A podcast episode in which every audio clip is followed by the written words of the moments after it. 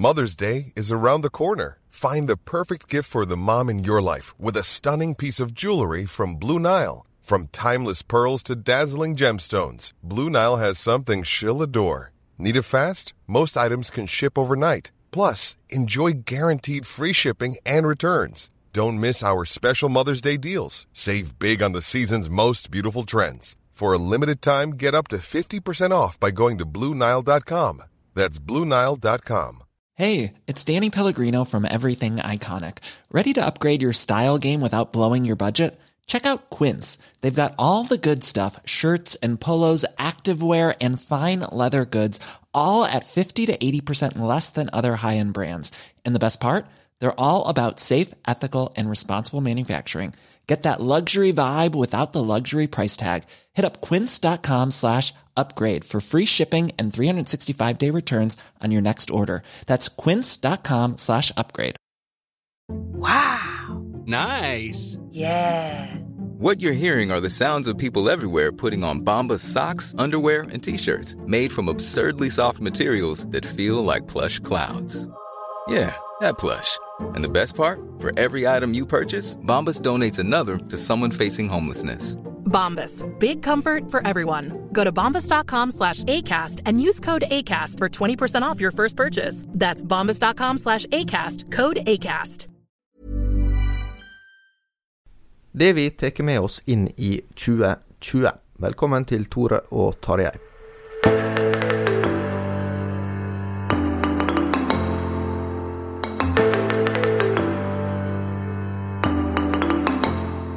Det er romjul, og eh, vi syns det var på tide å gjøre en liten oppsummering av eh, året 2019, og se litt framover til eh, 2020. Og eh, det er ikke bare Tarjei Gilje og jeg, Tore Hjalmar Sævik, som er her, men vi er også med oss deg, Astrid Dalhaug Norheim. Velkommen. Tusen takk. Nyhetsredaktør i Dagen. Vi hadde litt av sånn eh, brainstorming, som en gjerne kaller det, eh, i forkant om hva vi kommer til å huske fra 1919. Eh, 1919, ja. Du husker det godt. 1919, ja, det er jo Eller 2019. Og um, hva tenker du på da, Astrid? Nei, det er alltid eh, løye å tenke tilbake igjen på et år, fordi at du tenker å, når var det dette her skjedde egentlig?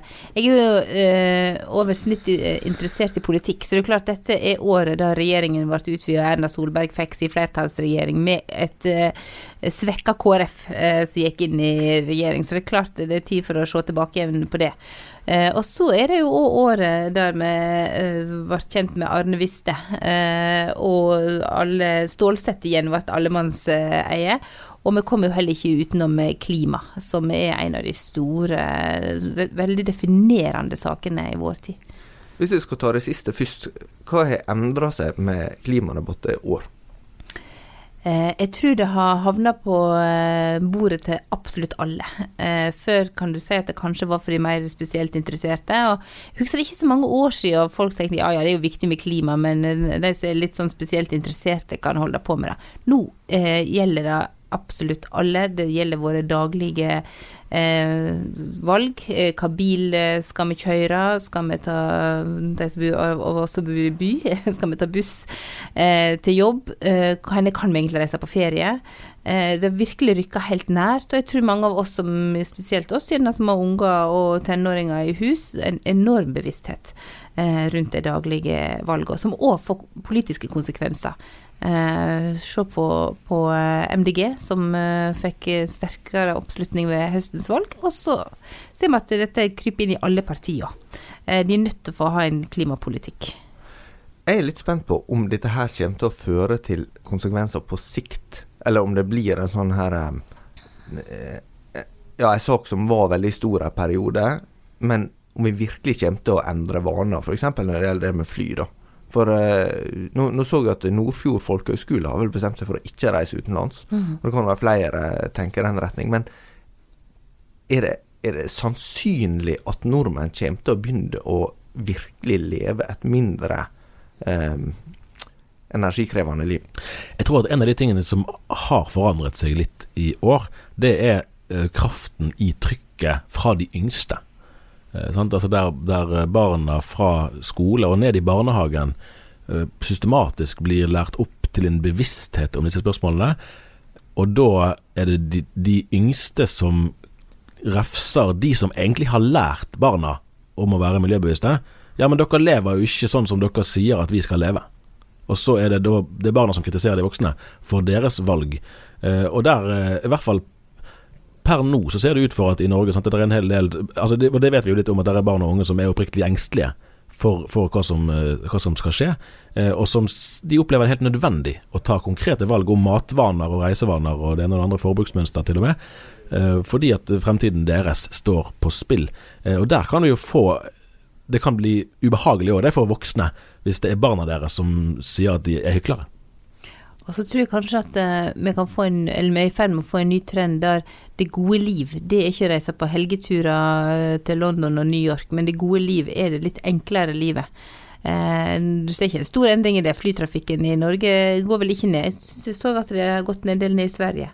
Eh, de har jo Greta Thunberg. Eh, så jeg, det er vanskelig å si hva hender med går, men det kan nok se ut som det er et stort, eh, omfattende skifte. Og fordi at det er en veldig stor bevissthet på at vi kan faktisk ikke leve sånn som vi gjør. Jorda tåler det ikke. Men det er et godt spørsmål likevel om det fører til liksom fundamental endring eh, over tid. fordi at det å, det å velge seg ned på materialismens rangstige, for å si det sånn, det fremstår vel nesten naturstridig for de fleste. Du skal ha en ganske høy bevissthet for å gi avkall på materielle goder som du har tilgang til. Eh, og så sterk bevissthet er det vel ikke flertallet som har ennå. Altså, du har jo hatt bølge tidligere. På 70-tallet men så hadde du en ganske sterk eh, sosialetisk bølge. Eh, og, og, de som eh, fronter den, er jo blitt en ganske velsituert og, og eh, ja, mm. eh, nokså sånn materialistisk generasjon på mange måter, etter krigsgenerasjoner. De som var 68, da. Ja. Og på 80-tallet, når jeg vokste opp, så var vi veldig opptatt av eh, skogsdød eh, og Sur nedbør. Sur nedbør og, og den mm. type ja. ting. Eh, men jeg tror nok dette her blir opplevd som helt grunnleggende for at vi kan fortsette å leve her på jorda. Ja, det, det, som kanskje jeg husker også som er sånn frykt som ikke, ikke preges på samme måte, men som er, er jo en stor utfordring eh, fortsatt, det er jo atomvåpen. Mm. det er jo flere land som har fått Nå driver Iran og uh, anriker uh, uran i, i, større tempo og sånne ting. Så det, det er jo det er jo akkurat som om, om at det er alltid noe å, å, bekymre seg for, men det vil variere hva som blir opplevd som den store farer i, i sin samtid. Da. Og Det er jo en, en tilleggsdimensjon som, som uh, i og for seg ikke har oppstått over natten. Uh, altså Vi har vokst opp i en tid med som kanskje etterpå vil bli sett på som en tid med historisk eh, harmoni. Sant? Det var i stor grad etter den kalde krigen. Det var ikke så mye å frykte. Det gikk fremover, i hvert fall i vår del av verden. ting så ut til å være på et godt spor. Mens nå er ting mer usikkert på flere plan. Eh, ja vel, er Nato truet, det som har vært en stor sånn, sikkerhetsanstalt for Norge. Eh, hva skjer i Russland, hva skjer i USA, hva skjer med Europa? Eh, og at, at, disse tingene spiller sammen, da, at, at, frykten for klimakonsekvenser som vi får veldig tett inn på livet, spiller sammen med den mer generelle politiske usikkerheten. Har vi egentlig politiske styringsmekanismer som er i stand til å løse de problemene vi står overfor? Usikkert, eh, og dermed eh, kan jo da frykten eh, tilta. Det er vel det vi ser noen tendenser til. Hvis vi skal gå litt mer tilbake til det politiske, så begynte jo året på mange måter med at KrF etter mye om og men havna i regjering. Tror alle fikk det med seg, ja. ja, jeg bare minner om det i tilfelle, i tilfelle noen skulle ha glemt det. Mm. Eh, og eh, hva er kommet ut av eh, den regjeringsdeltakelsen? Erna Solberg har jo fått en, en flertallsregjering, den hun drømte om og tålmodig har jobba for veldig lenge. Men så kom jo valget i høst, og der alle regjeringspartiene kom svekka ut. Eh, men det gjorde jo det fremste opposisjonspartiet, Arbeiderpartiet òg. Sånn at eh, det er, noe, det er jo ikke en regjering eh, full av pågangsmot og framtidsvisjoner vi ser, men ser en ganske sliten regjering. Og det vi ser som er spesielt, er jo at Høyre har på en måte vært den store storesøstreregjering som har ordna opp og eh, de andre, har gitt de andre litt spillerom, og Høyre har på en måte vært bakveggen og bufferen. Og de der merker vi større og slitasje nå, så Um, den, det var nok ikke akkurat en sånn eh, regjering Erna Solberg drømte om uh, når hun ville ha firepartiregjeringen.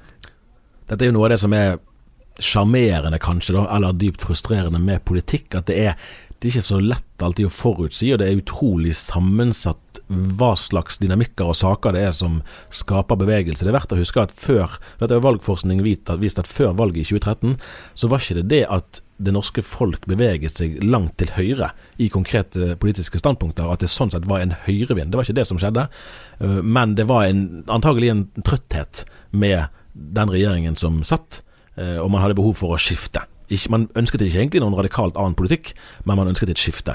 Eh, en sånn type dynamikk er det jo ganske nærliggende å tenke at vi står overfor òg nå. At nå har det vært så mye bråk med den regjeringen, og krangling og konflikter av folk som sier flere ting samtidig, med vilje. Eh, at dette, dette, blir for mye styr. Men er ikke det en faktor her at uh, selv om vi har mange partier på Stortinget i Norge, så er, hvis du ser iallfall et historisk og internasjonalt perspektiv, så er de jo veldig enige om veldig mye.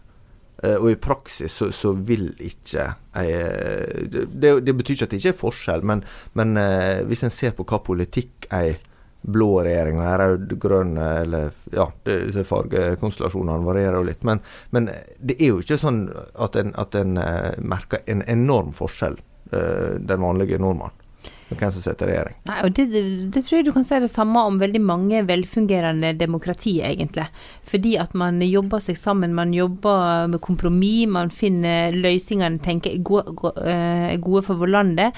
Eh, og så eh, er det veldig få som vil innføre voldsomme revolusjoner, men en del vil nok merke eh, forskjeller.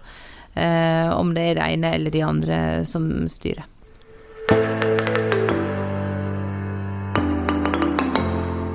Vi begynte litt å snakke om at vi har fått uh, ny regjering i år. og Jeg tenker kanskje vi skulle ta en kjapp evaluering på de statsrådene som uh, KrF har fått inn i regjeringa. Hvordan har det egentlig greit seg?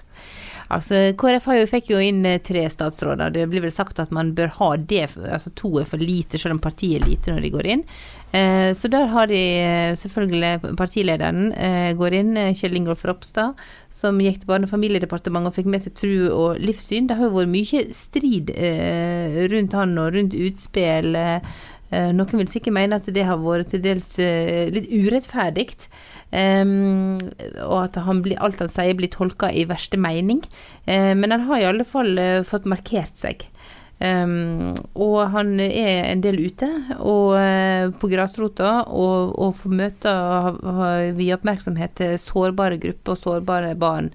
Eh, så hos en del på grasrota eh, i, KrF, så tror jeg at det faller i god jord. Det samme tror jeg vil si om eh, Ulstein. Dag Inge Ulstein som er utviklingsminister. Det er jo alltid en vanskelig post å få, fordi at du er så mye ute og reiser, og ikke så mye hjemme. og i en ganske mye omtalt terningkastevaluering i Dagsavisen her før jul, så fikk jo han, og de fleste andre i regjeringen, terningkast én for å være usynlig. Eh, og det kan han jo kanskje si i den breie offentligheten, eh, mens jeg tror at inn mot de miljøene som er opptatt av bistand og utvikling og eh, den type spørsmål, så tror jeg han oppleves som en ganske nærværende eh, og handlekraftig eh, statsråd, som òg har eh, bl.a. laga antislaveri, moderne slaveriplan og den type ting. Levert ting ganske kjapt. Eh, og så er det Olaug Bollestad, mat- og landbruksministeren, som er på et felt eh, der hun ikke har så veldig stor eh, eh Så mye sannsynlighet i, i, bredden i offentligheten, da. Eh, hun, eh, men det er nok et felt som slår veldig godt an eh, inn mot hjemfylket hennes Rogaland, som også er viktig for eh, KrF å eh, sikre, sikre mandater. og hun, etter det jeg har forstått, så har hun en god standing i landbruksmiljøet i Rogaland. Så det er vanskelig å gjøre en veldig god vurdering av, av hennes innsats. Det er ikke det området jeg føler tettest. Men hun har nok fått markert seg på sine felt. Jeg har jo forklart før at uh, Kjell Ingolf Ropstad og meg er perifert indirekte beslektet, så jeg vil helst unngå å si så mye om hans direkte ja, bidrag og deltakelse. Men mer generelt så er det vel ikke til å unngå at man sitter vel med en følelse av at prosessen KrF gikk gjennom høsten 2018 eh, ligger der ganske tydelig som en del av, av arbeidet fortsatt. Og de leirene som ble som vel fantes fra før, men som ble tydeliggjort den høsten, de har ikke Altså, folk har ikke kommet helt opp av skyttergravene. Eh, og det er stadig eh, kommentarer og reaksjoner på forskjellige utspill som, som viser at indre, de indre utfordringene for Kristelig Folkeparti de er på ingen måte løst. Eh, og det er ja, det skal virkelig bli spennende å se hvordan det utvikler seg frem mot stortingsvalget i 2021. Hvordan er framtidsutsiktene for regjeringa som prosjekt? Det er jo et spørsmål om de kommer til å vare helt fram til neste valg i 2021.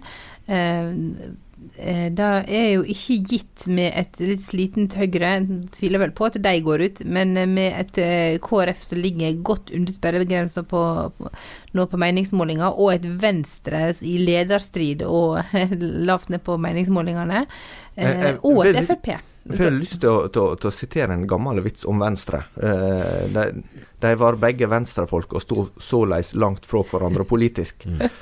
Den eh, er vel evig grønn, ja. tror jeg. Og det sier jo òg at det er vanskelig å sitte i regjering. Så alle de tre Eh, mindre partier kan nok eh, være, eh, ha et ønske om å gå ut på et eller annet tidspunkt. Kanskje ja, vanskelig å vite helt. Ja. Men spørsmålet er vil de, få, vil de da framstå som en taper idet de gikk ut. Og hvem skal overta? Hvem ønsker ja. det nå? Eh, så i den grad jeg skal spå, så jeg, ser jeg ikke helt for meg at de går av, men jammen ikke sikkert. Nå er det jo, Om ikke så lenge nå, så er det jo valg i Israel for tredje gang på under et år. Eh, og der så jeg sånn eh, presentasjon av ja, her er, her er partiene som stiller til valg denne gangen. Ja. Altså for med andre ord, Det er ikke gitt i det hele tatt i det landet at eh, listen over partier er den samme fra valg til valg, selv om det bare er noen måneder siden sist valg. Der er jo vi i Norge mye mer vant med at partikonstellasjonen den er forholdsvis stabil, og så er det svingninger eh, i de innbyrdes størrelsesforholdene. Det vi kan stå foran, er jo, og til dels ser vi det f.eks. med MDG, som har hatt en ganske betydelig fremvekst i løpet av forholdsvis kort tid, at, eh, at landskapet kan endre seg, og at stortingsvalget i 2021 og 2025 kan gi oss en nasjonalforsamling som består der, altså der utskiftingen av hele partier faktisk begynner å, å få et eh, større omfang enn vi har vært vant med her i landet.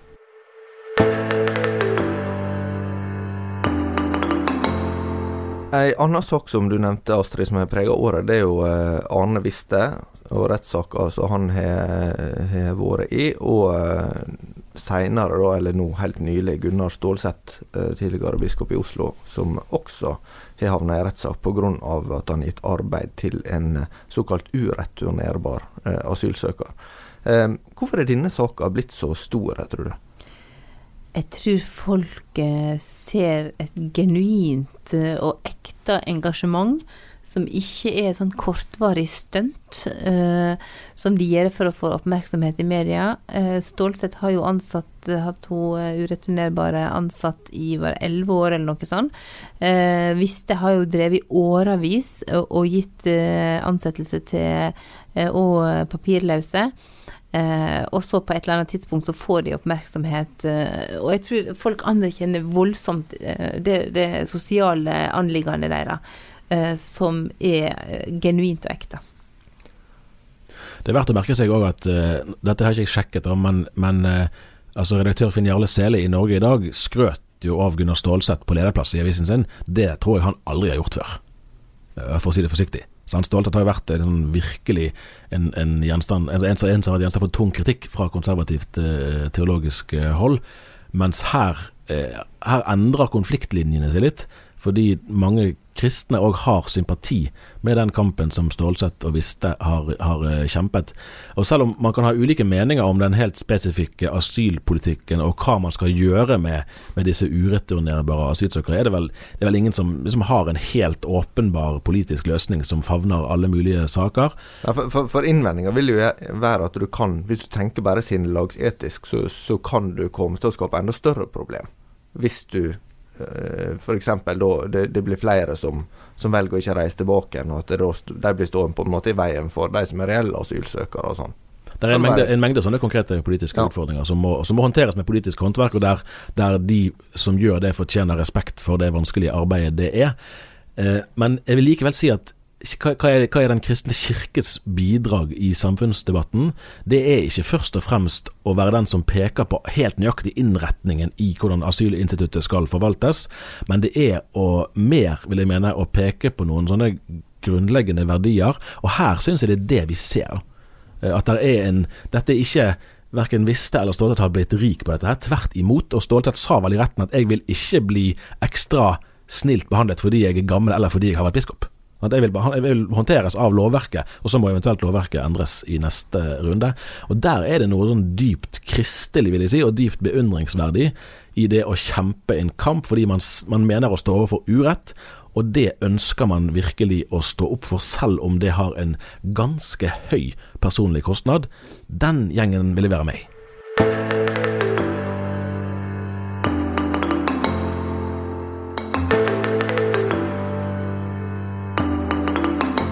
Hva er det viktigste som har skjedd i Kristen-Norge i 2019? Jeg synes det er vanskelig å svare på sånn hva som er det viktigste som har skjedd. Altså et, et sånt punkt som for meg har vært ganske toneangivende, var når du og meg Toralma, var på eh, European Leadership Forum i Polen i eh, mai. Det har vi vært før.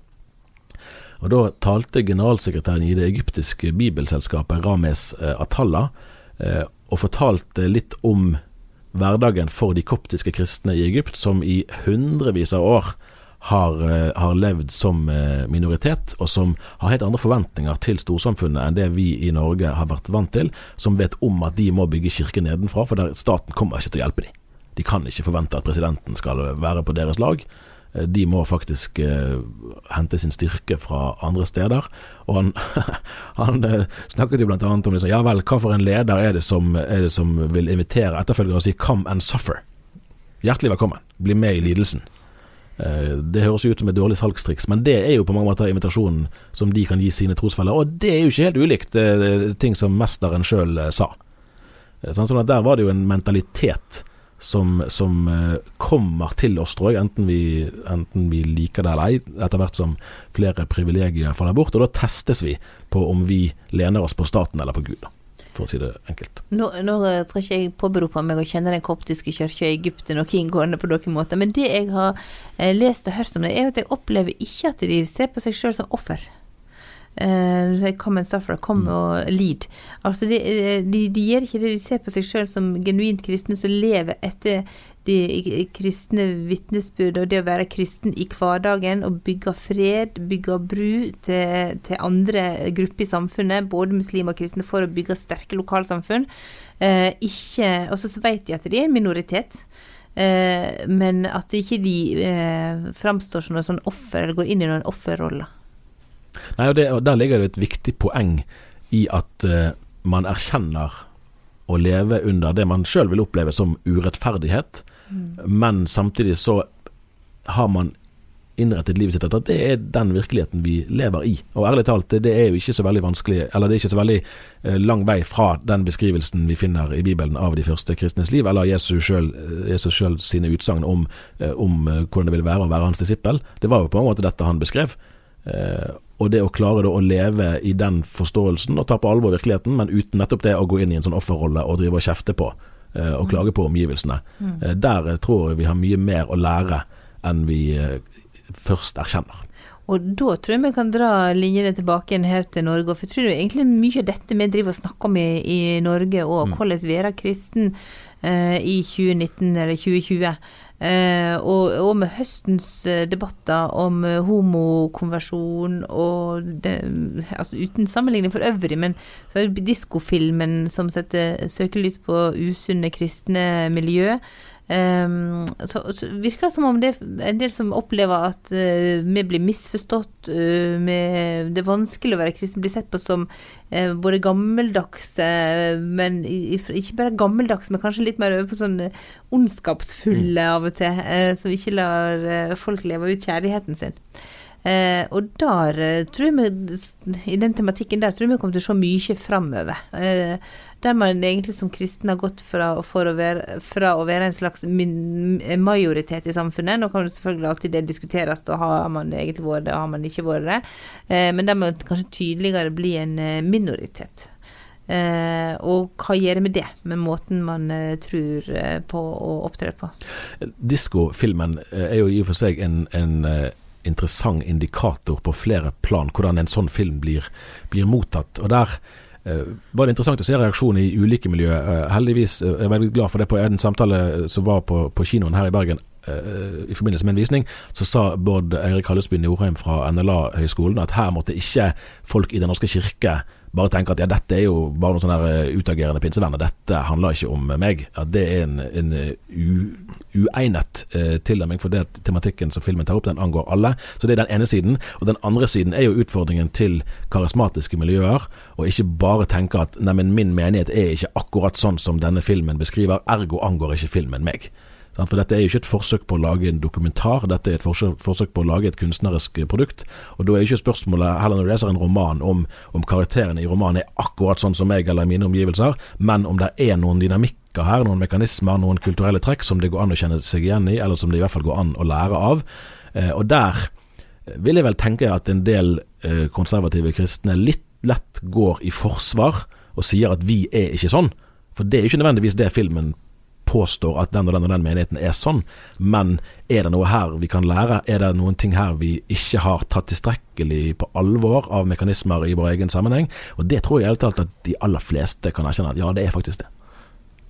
Samtidig så er det jo uh, en utfordring å, å, bli synlig på en måte som ikke bare handler om konflikter mm. hele tida. Uh, og der, der, er jo det mange kristne som opplever at det nysgjerrighet, eller det, det å være oppriktig interessert i, i, hva kristne er opptatt av, og hvordan ting fungerer, og hva en kan bidra med i samfunnet, ikke alltid er så store i media. Altså, en klassiker er jo dette med, med store kristne sommerstevner som blir forbigått i stillhet i riksmedia ja. osv. Så, videre.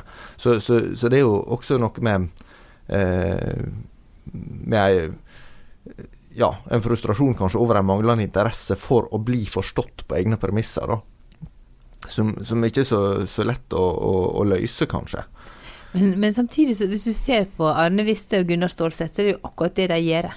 Eh, uten at det, Som sagt, det er ikke noe PR-stunt. De har ikke ansatt eh, papirløse for å få oppmerksomhet eh, i media. Eh, de ansatte fordi de mener at det er djupt urettferdig sånn som de blir behandla. Litt ulik innretning på de to. Men likevel, det er jo sånne historier. De når jo veldig godt fram.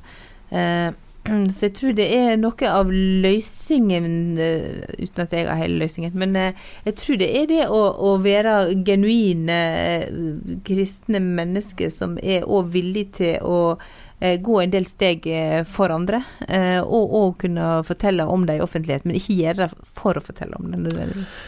Det står jo i eh, den store, kloke boken at hjertet er fylt av det taler munnen. Eh, og vi kan, gjerne, vi kan gjerne være misfornøyd med at sommerstevner og mange andre ting får for lite medieomtale. Og ut fra utbredelse og andre målbare kriterier, så kan det være mye i en sånn kritikk. Men spørsmålet er jo likevel for oss som kaller oss kristne, om hva er det vi faktisk legger vekt på sjøl? Hva er det vi snakker om? Hva er det vi betoner? Hva er det vi profilerer? hvis vi spør uh, offentligheten sant? hva slags kontakt har du hatt med kristne i siste året, hva slags uh, inntrykk har du av, uh, av, kristnes synspunkter i offentligheten, så er det vel grunn til å mistenke, i hvert fall at mistenke at det vil være noe annet enn det de fleste kristne ønsker å profilere seg på. Og da går det an å i hvert fall tenke over kan jeg med mitt liv bidra til at det er det som Kirken faktisk ønsker å stå for, som, som blir løftet frem, snarere enn enn det man eh, reagerer på ved utviklingstrekk i eh, samfunnet i våre dager. Um, er det spesielle ting eh, folk skal forvente seg fra oss i året som kommer? Vi tenker å fortsette både med aviser og podkast. Det er vel det er. Det er planen. Det kan vi bekrefte, ja. du, jeg har jo jobba en del med den kartleggingen av Kristen-Norge. Så vi begynner nå rett over nyåret med å fortelle hva aktive kristne stemte. Eh, ved valget i høst, og de har stemt tidligere. Så det vil jeg absolutt si at eh, det er grunn til å se fram til. Ja. Det er altså den, For de som ikke har fått det med seg, så er det en spørreundersøkelse som vi har fått gjennomført eh, blant aktive kristne, med støtte fra Fritt Ord. Ja. Så der kommer det mer stoff på nyåret. Ja, der kommer både politikk og alkohol og abort. Ja. Mm.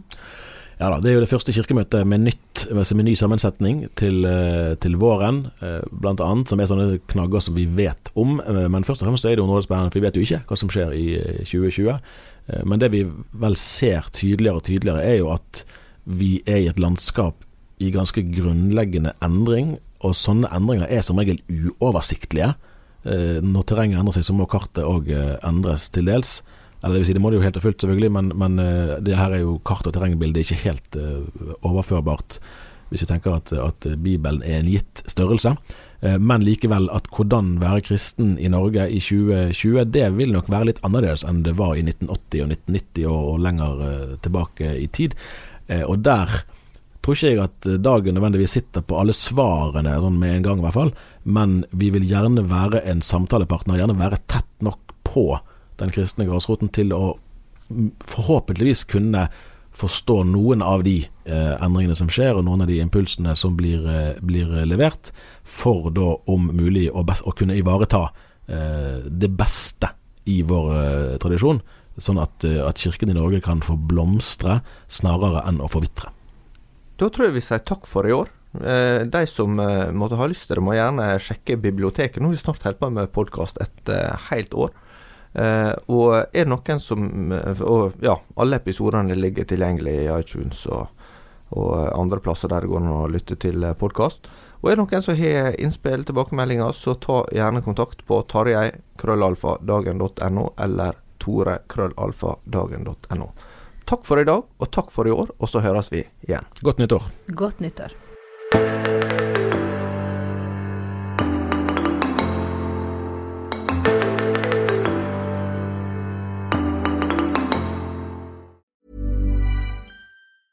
Normally, being a little extra might be a bit much, but not when it comes to healthcare. That's why United Healthcare's Health Protector Guard fixed indemnity insurance plans, underwritten by Golden Rule Insurance Company, supplement your primary plan so you manage out of pocket costs. Learn more at uh1.com. Planning for your next trip? Elevate your travel style with Quince. Quince has all the jet setting essentials you'll want for your next getaway, like European linen, premium luggage options, buttery soft Italian leather bags, and so much more and it's all priced at 50 to 80% less than similar brands. Plus, Quince only works with factories that use safe and ethical manufacturing practices. Pack your bags with high-quality essentials you'll be wearing for vacations to come with Quince. Go to quince.com slash trip for free shipping and 365-day returns.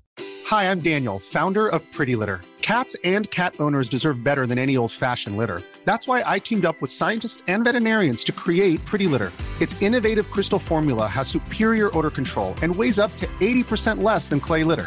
Pretty Litter even monitors health by changing colors to help detect early signs of potential illness. It's the world's smartest kitty litter. Go to prettylitter.com and use code ACAST for 20% off your first order and a free cat toy. Terms and conditions apply. See site for details.